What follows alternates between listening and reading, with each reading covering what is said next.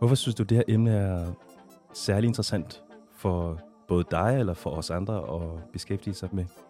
Der sker tosse meget på det tekniske område i øjeblikket. Kunstig intelligens har jo været der længe, men med ChatGPT, der kom i november 2022, så er det ligesom om, det lige pludselig er blevet rigtig nemt at bruge for rigtig mange mennesker. Så der er kommet sådan, kan man sige, et gennembrud for kunstig intelligens i løbet af det sidste år. Og det er super, super godt. Det er super spændende. Det øh, er også gået lidt for hurtigt, kan man sige nogle gange.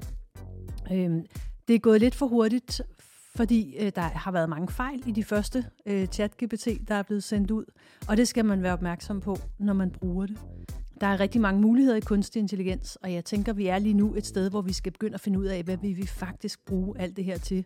Lige nu er det lidt ligesom at gå ind i legetøjsbutikken, man kan prøve alt muligt, men hvad er det egentlig, vi kan få allermest ud af? Det tror jeg, vi kommer til at bruge de næste par år på.